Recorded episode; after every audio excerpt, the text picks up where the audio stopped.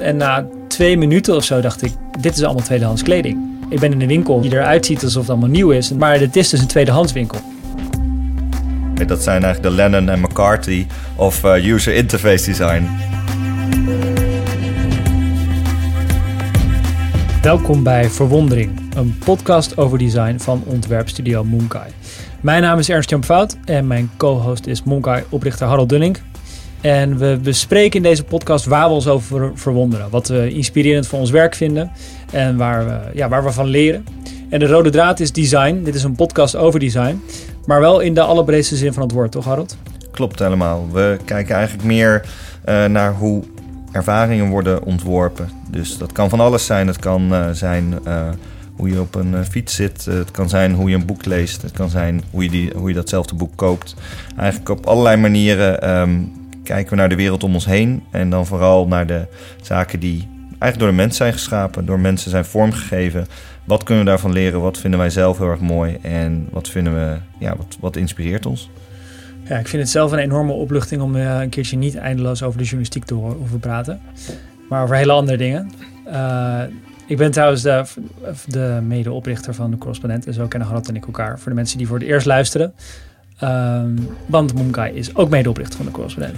En het, het, thema van deze podcast is dat we, dat we allebei iets meenemen. Ja. En we weten niet wat de ander uitgekozen heeft. Dus één grote verrassing. Uh, en het enige wat we tegen elkaar van tevoren zeggen is dat het, dus, dat het uh, aan, een, aan een thema moet voldoen. En het thema dit keer is selectie of selectiviteit. Uh, als je het modewoord wil gebruiken, curatie. Curatie. maar laten we dat vooral niet doen. Nee. dus selectie. En um, ja, dat is, uh, dat is alles wat we elkaar meegegeven hebben. En vanaf dat moment is het één grote verrassing. Dus uh, Harold, kom maar op. Nou, ik vind het eigenlijk wel heel mooi aan, uh, aan selectie en selectief zijn... is dat jij hem selecteert. De vorige thema gastvrijheid uit onze allereerste podcast heb je ook gekozen.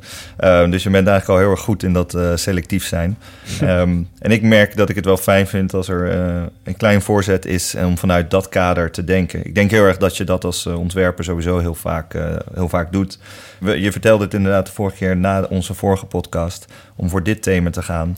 En ik denk dat het heel erg bij uh, ontwerp past. Het is in ieder geval wat ik bij de studio altijd heel erg probeer. Um, uh, dat probeer ik ook altijd jonge ontwerpers mee te geven. Dat je selectief bent in uh, met wie je werkt en voor wie je werkt, mm -hmm. waar je je tijd aan besteedt. En dat je op die manier ook met de beste mensen kan werken of aan de projecten die, die echt je, je nauw aan het hart, hart liggen. En je ziet dat ook heel erg bij sport of zo. Dan is dat ook natuurlijk heel normaal. Je hebt letterlijk een selectie. Je hebt een, uh, een, stel voetballers. En niet iedereen haalt dat niveau. Uh, en zo wil ik eigenlijk ook altijd kijken naar het werk. Van hoe kan je nou het hoogste niveau halen? Wat valt eraf of wie valt eraf? En toen je het de vorige keer vertelde, nou, toen moest ik... Uh, meteen denken aan uh, Apple. Nou vind ik dat normaal eigenlijk altijd heel erg uh, belegen. mm -hmm. omdat mensen dan een soort van fanboys zijn en dat gedweep ermee. Um, maar ik was laatst, um, nadat ik jou had bezocht in, in, in New York... bracht de reis mij naar San Francisco, naar Silicon Valley. en mocht ik Um, de, um, werd ik uitgenodigd bij Apple op het hoofdkantoor in Cupertino. En is dat nog het uh, oude hoofdkantoor of hebben ze dat nieuwe al geopend? Ja, je hebt, die, je hebt die, inderdaad je hebt die hele gave nieuwe soort donut. Uh, ja. Daar kan je eigenlijk nog helemaal niet bij komen. Um, dit was het soort oude hoofdkantoor. Dat heet uh, One Infinite Loop. In, ja, super vet dat is. in in Cupertino, dat is echt het hart van Silicon Valley. En hier had ik al vaker over gelezen en zo. Maar vooral omdat ik het heel interessant vind hoe, hoe die designteams werken en hoe die designers werken. En um, er, uh, ik ontmoette daar een Nederlands ontwerper, Marcel van Os. En dat is, uh, dat is een van de twee Nederlandse ontwerpers die aan de originele iOS en iPhone hebben gewerkt. En dat zijn maar zeven ontwerpers samen met uh, Steve Jobs. Um, de andere ontwerpers. Dus als, allereerste hebben zij het besturingssysteem gemaakt voor, voor de iPhone. Ja, dat, de zeker. iOS is het besturingssysteem van Ja, iPhone. sorry. Dus ja. was in 2007 of zo, 6? Dit is in uh, 2007 kwam de iPhone uit. En um, het het begint eigenlijk al, al wat eerder als, als, je, als je heel erg kijkt naar de selectiviteit. Op een gegeven moment Jobs, Steve Jobs, de, de oprichter van Apple, die is op een gegeven moment ontslagen en komt weer terug in 97. Het eerste wat hij doet is heel erg selecteren. Hij stopt 70% van alle producten. Hij zegt, nou, dit is het allemaal niet. Ontslaat 3000 mensen. En... Ehm, uh, en vervolgens, het jaar later, komt de iMac uit. En dan in 2001 komt de iPod uit. Uiteindelijk in 2007 de iPhone. En um, zie je dat ze met eigenlijk een heel kleine selectie aan producten... een, ja, een heel grote impact hebben... die wij natuurlijk allemaal hebben meegemaakt. En ik vond het altijd heel erg leuk als digitaal ontwerper... dat, dat je, je hoorde dat een beetje... en later werd dat steeds duidelijker... dat er ook Nederlanders aan ont, ontwierpen. En dat begon eigenlijk al heel vroeg nog eigenlijk zonder Steve Jobs, uh, de, diezelfde Bas Ording, die, dat is een, een, een, Nederlands ontwerper, um, heeft de HKU gedaan. En die ging samen ontwerpen met Imran Chaudhry. Dat is een Britse mm -hmm. ontwerper uit Londen. En later las ik dat iemand hun de. dat je, je hebt geen echte rocksterren in digitaal ontwerpen. Dat heb je meestal in product design. Um, of je hebt dat in architectuur. Um, maar in, uh, in digital design is eigenlijk heel dienstbaar. Het is heel erg op de achtergrond. Um, ja, want als je bijvoorbeeld over de design rockster van Apple hoort... is dat meer die, die Johnny Ive. Komt dat hij vooral hardware heeft gemaakt, ontworpen, toch? Ja, precies. Dat is ook echt uh, natuurlijk een hele, uh, hele beroemde, hele goede ontwerper. Je hebt Tony Fadel, de, de, de iPod-ontwerper. en... Um, Um, later las ik ook dat iemand, Bas Ording, samen met iemand Chaudhry eigenlijk zei... dat zijn eigenlijk de Lennon en McCarthy of uh, user hm. interface design. En dacht ik, oh heerlijk, dat, dat is zoveel meer waard. Uh, zoveel meer waar ook van wat zij voor impact hebben gehad. Dus zij begonnen eerst heel klein uh, in een soort... Um, ja, een, Apple had een soort user testing lab... Um, Steve Jobs gelooft niet in user testing. Um, en dat was dus uh, een verlaten locatie in, in, het, in dat gebouw. Daar zijn ze gewoon onder de naam Explore New Rich Interactions... zijn ze allerlei dingen gaan proberen. En multitouch, wat wij nu kennen... en dat ze het juist veel meer playful gingen ontwerpen. En daar gingen ze eigenlijk allemaal testen mee maken...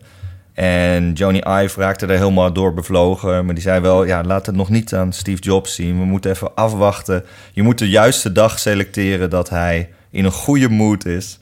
Want um, laat je dat op een verkeerde dag zien... dan, uh, ja, dan kan hij het helemaal afbranden. Dan zegt hij, don't show me this ever again. Um, dus daar moet je heel erg mee spelen. En het was ook heel mooi... Um, als, uh, ik heb die Bas Ording ook uh, ooit ontmoet. Een hele leuke, hele lieve, zachte man en een hele goede ontwerper die ook heel veel inspiratie haalde uit games en zo. Um, en als hij zijn magie deed, dus misschien wat je bijvoorbeeld van hem kan kennen, is dat op je MacBook heb je zo'n dock met al die icoontjes onderaan. Als je daar overheen gaat, dan worden ze zo heel mooi langzaam groter. Nou, dat is bijvoorbeeld van hem dat soort hele. Tactiele... Ik ben het nu aan het doen. Oh ja, schitterend. Ja, ja, ja, dat kun je nog steeds doen. Dat is heel gaaf. Uh, als Steve Jobs dat zag, dan zei hij... Oh, dat is best, a bestification in progress. Dus als hij hem weer zoiets gaafs zag doen... Uh, vertelde um, um, Bas Ording later... dat is bestification. Um, dus zij gaan dan een hele interface bouwen. Dat bouwen ze dan eigenlijk nog helemaal in Photoshop en Director. Um, mensen van, van Adobe die dat laten horen, dachten: ja, hebben jullie, maakten jullie zo je prototypes? Uh, hadden wij die eens door hoe dat, uh, hoe dat kon? En, um, en op een gegeven moment raakt Steve Jobs er heel erg door uh, bevlogen. Eerst moet hij niks van hebben, later raakt hij meer door bevlogen. En zoals dat dan gaat, dan is het zijn idee. Ja, die keer dat ik hiermee kwam. Um, En op een gegeven moment wordt hij meer ziek, 2003 of zo. En dan gebeurt er eigenlijk ook even helemaal niks. Mensen zijn heel erg gericht op hem. En in 2004 vertelde, vertelde Bas Orning, dan uh, krijgt hij een, uh, een belletje van Steve. Uh, gewoon heel simpel. We're gonna do a phone. There's gonna be no buttons, just a touchscreen. Um, en zo begon dat team. En dat vond ik een heel mooi, want zo, zo las ik hier voor het eerst over. Um, um, in het boek The One Device. Waarbij ze vertellen dat het, het begint met een heel, heel specifiek selectieproces. Namelijk -hmm.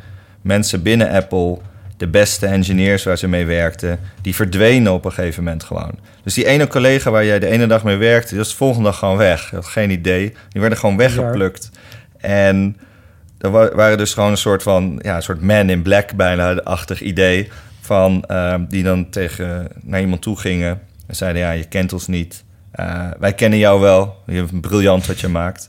Um, kom met ons werken. Want het is gewoon binnen Apple. Um, en ja, je moet uh, vandaag kiezen. We kunnen niet zeggen wat het is, maar je moet nu kiezen. Dus het was super top secret. En Apple is al extreem in secret. En dan nog binnen die, binnen die, uh, binnen die muren. En zo hebben ze dat soort van uh, team opgebouwd. Um, en uh, zijn ze gaan kijken van hoe kunnen we het nou helemaal gaan uitontwerpen. Dat is natuurlijk heel vernieuwend. niet zozeer in, ja, telefoons waren er al meer. Um, heel veel van de techniek is ook helemaal niet per se. Het is meer hoe je dat slim kan gebruiken met elkaar. En toen zijn ze uh, aan dat project gaan werken. En wat ik ook van die Marcel hoorde, dat was heel intens. Wel heel leuk, maar ook heel intens. Het is gewoon, ja, je bent gewoon twee, drie jaar van je leven is gewoon alleen maar dat. Er zijn huwelijken gesneuveld, uh, is het woord on the street. Ja, iedere dag. En, um, Daar denk je niet aan als je je telefoon in je handen hebt dat het huwelijken gekost heeft. Nee, nee, nee. En het is ook... Uh, nee, nee, de paar Chinese levens ook, dat ook. Dat ook, ja. Dat, ja. Uh, maar daar kon niemand me daar iets over vertellen. Maar um, um, het is ook heel fascinerend. Ze hebben het eerst nog anders geprobeerd. Dus om daarin weer in te selecteren... Het is één en, een en al selectiviteit. Om daar nog in te selecteren... hebben ze op een gegeven moment dat verdeeld in twee teams die heel simpel P1 en P2 heten. En uh, de ene wordt dan eigenlijk meer gerund door Tony Vedel van de, van de iPod. En de andere is een meer soort experimentele hybride vorm tussen multitouch en Mac software. En uiteindelijk gaat het daar meer heen. Op een gegeven moment, en dat, dat vertelde Marcel ook. Um, ik, ik, mag nu gewoon vertellen wat hij, hij mocht vertellen. Zij mag, ik mag niet alles vertellen wat hij zei, want het is echt allemaal heel zieke daar. Vind ik natuurlijk allemaal heel erg spannend. En um, hij zei, ja, op een gegeven moment was het zo... Uh, uiteindelijk merkte ze, ja, met, met Tony was nog een soort mensen voor... Zoals ik het goed begreep, met een soort draaiwiel. Een beetje zoals bij je iPod. En de andere was echt helemaal dat scherm. En op een gegeven moment maakten ze daar keuzes in... en toen klikte eigenlijk alles. Toen merkten ze, oh ja, dit, is, dit gaat echt werken. En dat is best wel lekker. In, in, kan me voorstellen dat je misschien hetzelfde hebt... en als je een verhaal schrijft of zo... dat je op een gegeven moment werkt... ja, ja, ja, dit, dit werkt, dit, dit is lekker.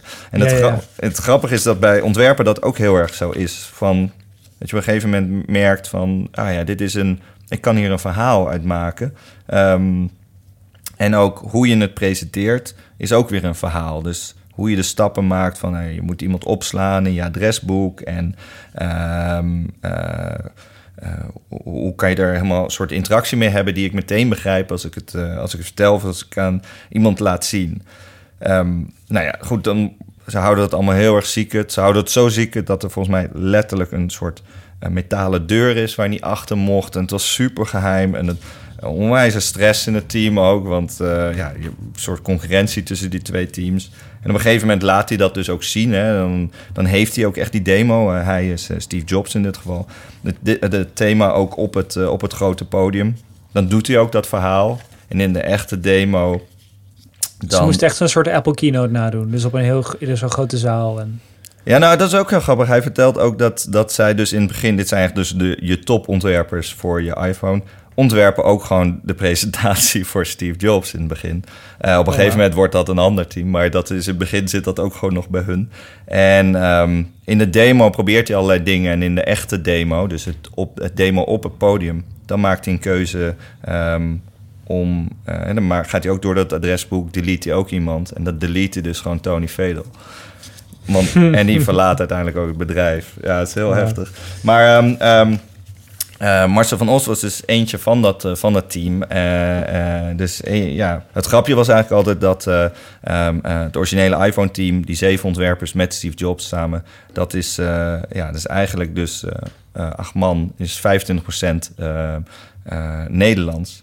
En hij liet mij daar dus binnen zien in, bij Apple. En het is helemaal geen heel heel uh, mooi gebouw. Maar ik had natuurlijk al meer over gelezen. En ik wist al een beetje hoe dat in elkaar zit. En hij liet maar dingen zien waar, ik, je normaal niet mag komen. En op een gegeven moment lopen we naar de, naar de uitgang.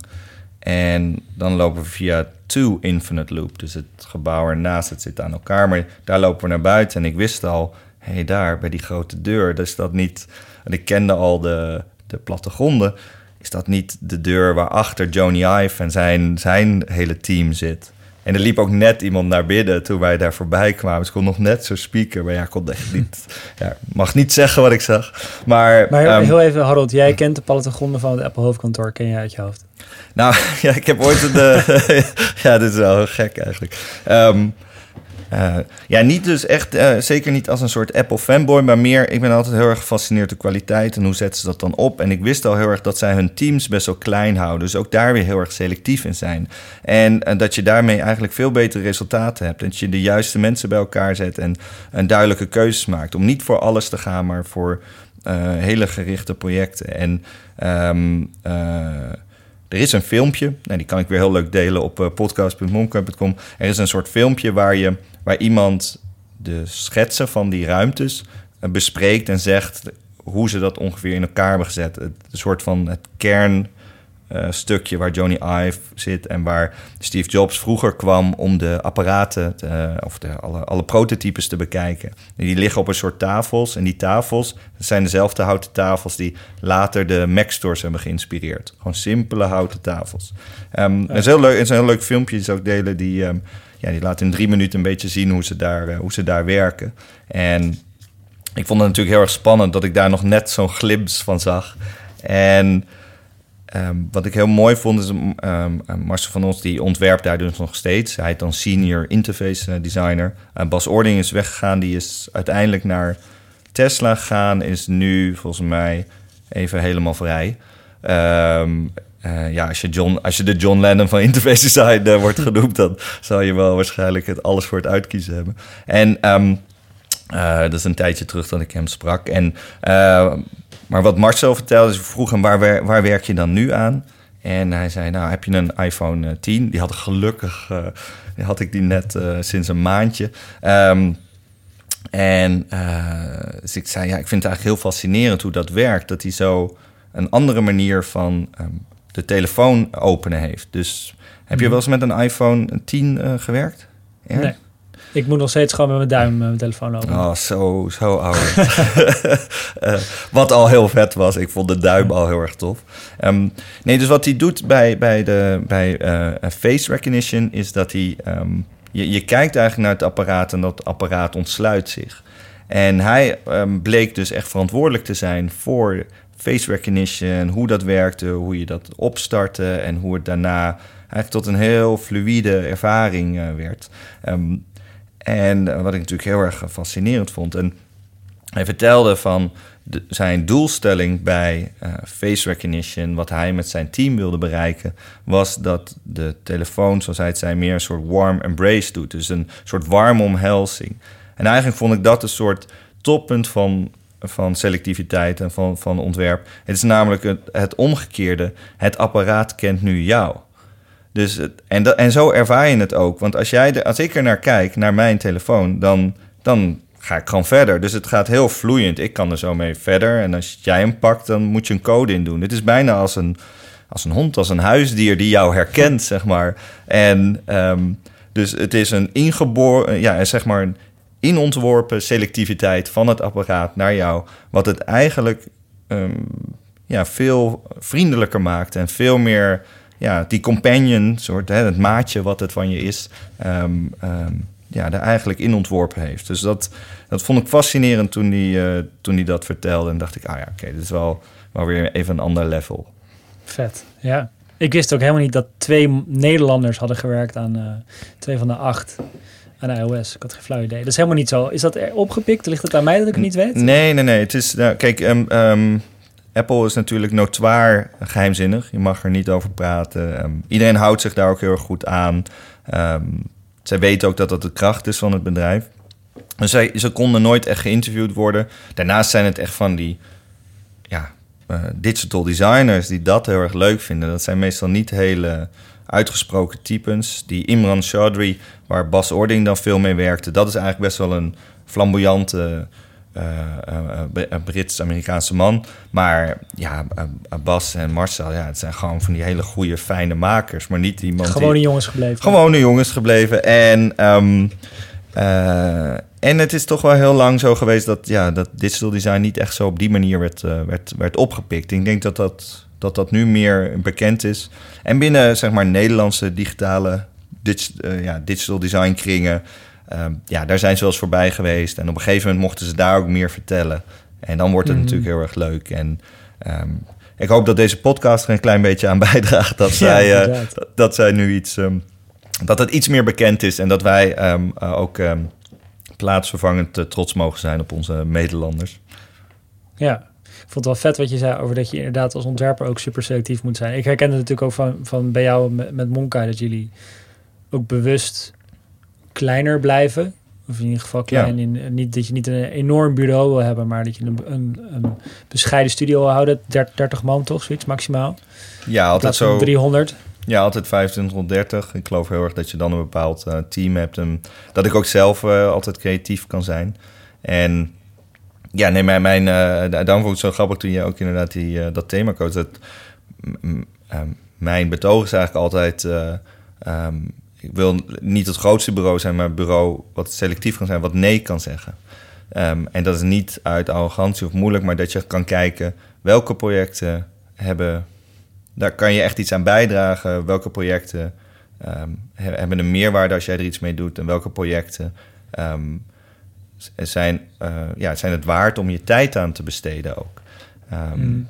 En ja, dat had, had ik heel erg bijvoorbeeld. We doen natuurlijk de correspondent samen, dat je dan heel erg eh, daar ook mee bezig bent. Oké, nu maak je een podium voor, voor verhalen die het verdienen gelezen te worden. Dus niet zomaar elk, elke crap, maar gewoon dingen die anders misschien geen bestaansrecht zouden hebben. En dat vind ik heel erg leuk om, om, om je tijd en energie aan te besteden. Maar nu ben ik natuurlijk heel erg benieuwd wat jij hebt geselecteerd. Ik heb echt totaal iets anders. Oh, oké, oké, vertel. ik heb iets heel praktisch uit het dagelijks leven. ik wil het over eh, kleding hebben. Mhm. En eh, over, eh, om specifiek te zijn, over hele grote hopen stinkende kleding. Ik zal zo uitleggen waarom. dus dit gaat niet over je huis, toch? Of de Nee, kledingkast zit, waar je zit. Nee, ik zit nu in een zeer opgeruimde kledingkast.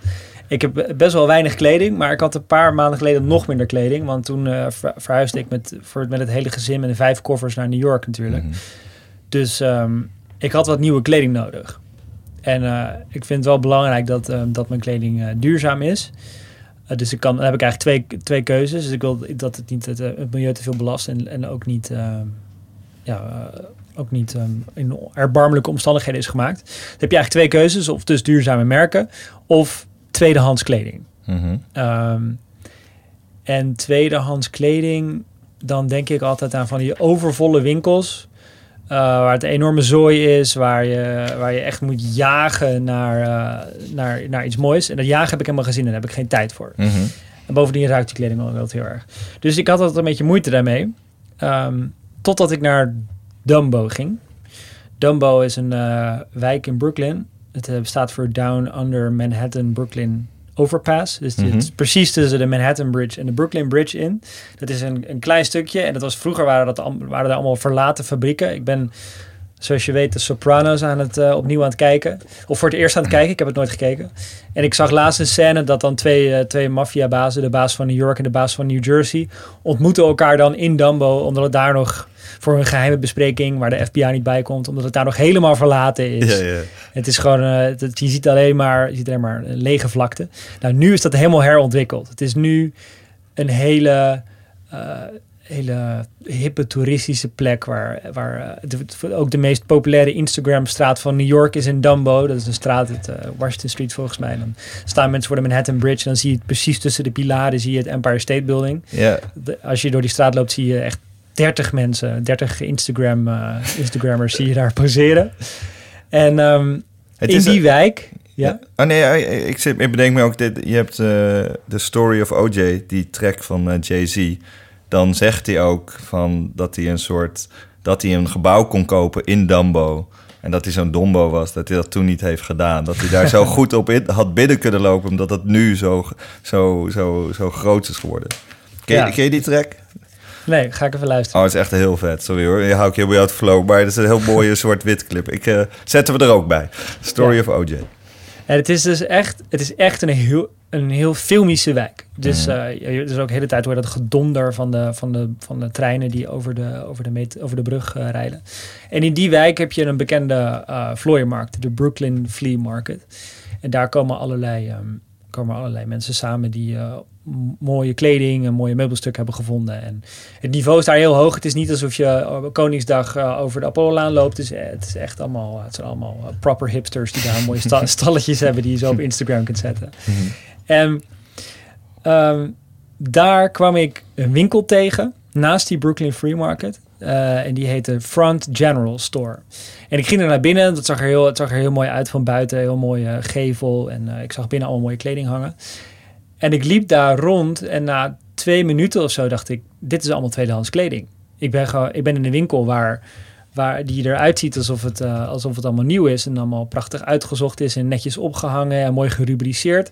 Maar het is dus een tweedehandswinkel. En ik zag opeens dat zij alle bezwaren die ik, die ik heb bij, bij zo'n tweede, die ik had bij zo'n tweedehandswinkel. En die ervoor zorgden dat ik daar eigenlijk niet ging kopen. Terwijl het duurzamer is, terwijl die kledingstukken vaak van betere kwaliteit zijn dan de kleding die nu gemaakt wordt. Mhm. Ehm, dat zij al die pijnpunten hadden weggenomen. En dat hadden ze gedaan door een hele strenge selectie te maken.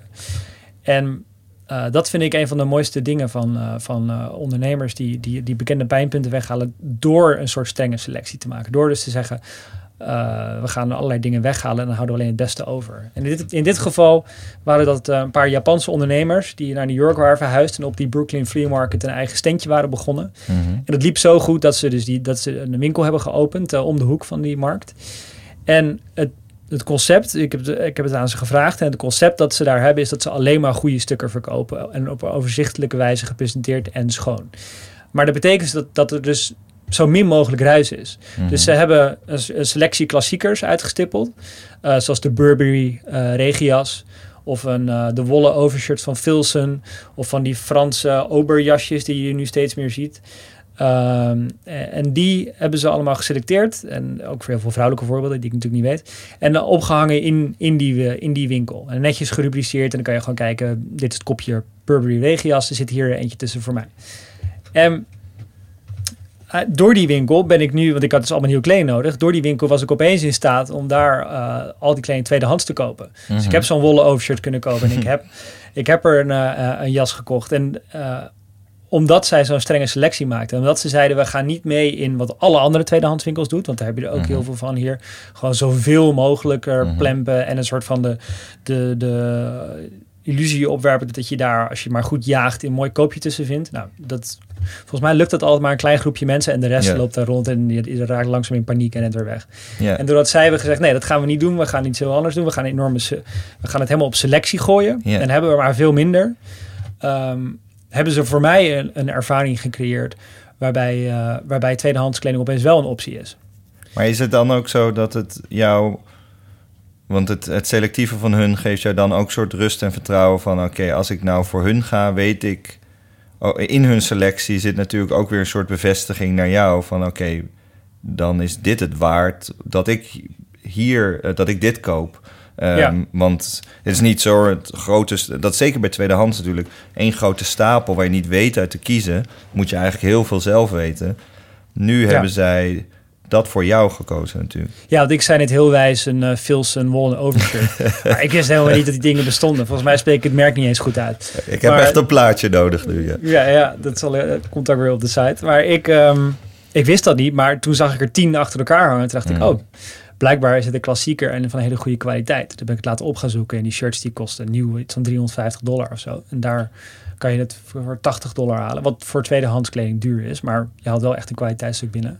Maar is het, is het dan ook um, wat ik anders, eh, wat, wat heel leuk is aan, aan tweedehands, is dat je iets kan selecteren waarvan er misschien maar één is. Of dat die op die manier oud is geworden. Dat kan je niet zomaar repliceren. Is dat voor jou dan ook een aspect bij tweedehands? Dat je ook soort in die selectie ook weet, ik heb iets anders, ik heb iets unieks? Of hebben zij, lijken die die selectie die zij maken, lijken die tweedehands dingen dan toch wel een beetje best wel op elkaar. Ja, het overgrote deel zijn allemaal van die klassiekers. Dus, dus, dus je weet, ik zocht bijvoorbeeld een bepaald jasje en hadden ze dan 25 varianten van. En daarbinnen zijn, allemaal, zijn ze wel, hebben ze allemaal unieke elementen.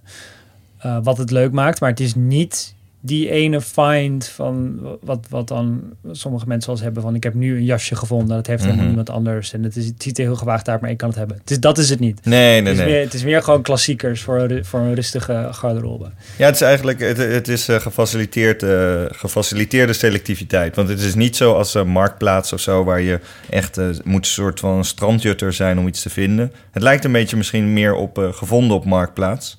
Ja, een heel ja. leuk eh, blog van, eh, van Jules David, die een, eh, ja, een heel goed oog heeft voor net die dingetjes op marktplaats die esthetisch wel mooi uitkomen of bijzonder zijn of, of eh, heel gaaf in het huis staan of uniek zijn. En dat het heel erg helpt. Ik heb ook wel eens, eh, ik heb een opgezette toekan. Ja, die ken ik. Die staat in de Eh, vergadering. Die, ken ja, ja, ja. Ja. Die, eh, die heb ik bijvoorbeeld daar eh, eh, via, via, via Jules ge- gevonden. Ehm, en dan is het inderdaad wel heel fijn dat er een soort gids, gidsfunctie zit die, die jou helpt naar die selectie. Ja, dat is echt een heel goed voorbeeld. Dat is precies hetzelfde waar ik niet aan gedacht had. Bij mijn vorige verhuizing in 2012 had ik inderdaad eh, gevonden op Marktplaats... had ik eh, zo ingesteld dat elke keer als hij iets nieuws plaatste... dat ik meteen een sms'je kreeg. Omdat Ja. ik mijn hele huis nog moet inrichten. Ja, ja, ja. Dus ik heb twee lampjes en een stoeltje daar eh, kunnen vinden. Ehm, en dat is ook het is net hetzelfde voordelen als dit. Het is duurzamer, want het bestaat al. ja Het is precies. niet speciaal voor mij gemaakt. Het heeft al een verhaal en het, vaak zijn het klassiekers. Dus dat betekent dat het, dat het tijdloos is en dat ik er lang mee kan gaan doen. Ehm, dus is, ja, eh, hij heeft inderdaad, net zoals die Front General Store, dat probleem destijds zo opgelost. Ja, eigenlijk zit in die selectie heel erg dat, de- dat je meer bewust bent van de keuze die gemaakt wordt. En daardoor heeft het misschien ook meer waarde voor je.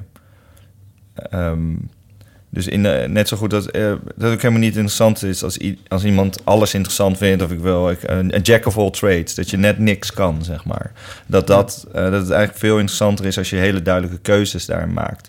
En zeker bij ontwerp vind ik dat heel belangrijk. Dat is ook iets wat ik probeer altijd mee te geven aan eh, mensen waarmee we samenwerken, of intern of aan klanten. ehm, dat, het, dat het natuurlijk in hoge mate subjectief is. Eh, het is ook, daar zit ook smaak in en er zit ook heel erg iets van jezelf in, wat je daarin selecteert en welke keuzes je maakt. En eh, omgekeerd moet je dan soms ook uitleggen als iemand dan heel hard op je ontwerp gaat, dat dat, dat, dat dus ook over jou gaat. Dat, jij hebt gewoon uit gevoel meerdere, een hele weg aan keuzes gemaakt om tot die selectie te komen. Dat is niet per se Ja. de waarheid, maar het is het beste wat jij kon geven of wat jouw team kon geven op dat moment. Ehm, eh, en dat is een, eh, een- een- een- ook een hele mooie soort kwetsbaarheid, maar wel iets waar, ja, waar, waar, ja, ehm, mensen soms misschien iets selectiever moeten zijn hoe je daarop reageert. Maar ik ben zelf soms ook heel, eh, ik ga er ook heel straf doorheen door soms eh, met ontwerpen, met anderen ook. Maar ehm, ja, het, het is wel, ik denk dat het heel waardevol is dat eh, ondernemers die eh, selectie centraal stellen. Nog, om nog een voorbeeld te noemen, ik moest bijvoorbeeld, eh, ik had dan daar een paar klassiekers gekocht bij die winkel, maar ik moest het wel aanvullen met wat basics, want die had ik ook allemaal in eh, Amsterdam laten liggen omdat het niet paste. En toen ging ik naar Everlane. mhm. Eh, dat is ook een duurzaam, is een duurzaam kledingmerk, dus nieuwe kleding. En die hebben een prachtige winkel in Soho.